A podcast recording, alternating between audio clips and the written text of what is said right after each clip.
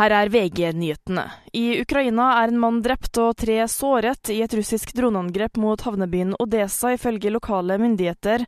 Det er satt i gang leting etter folk som muligens er fanget i bygningsruiner.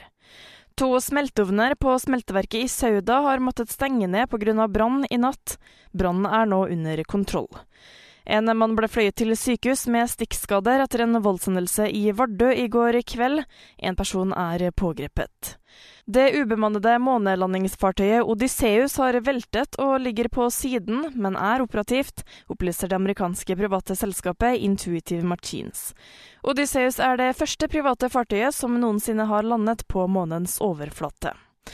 Kasper Ruud er klar for finale i Los Cabos-turneringen i Mexico. Tennisspilleren sikret i natt karrierens 19. finalebillett.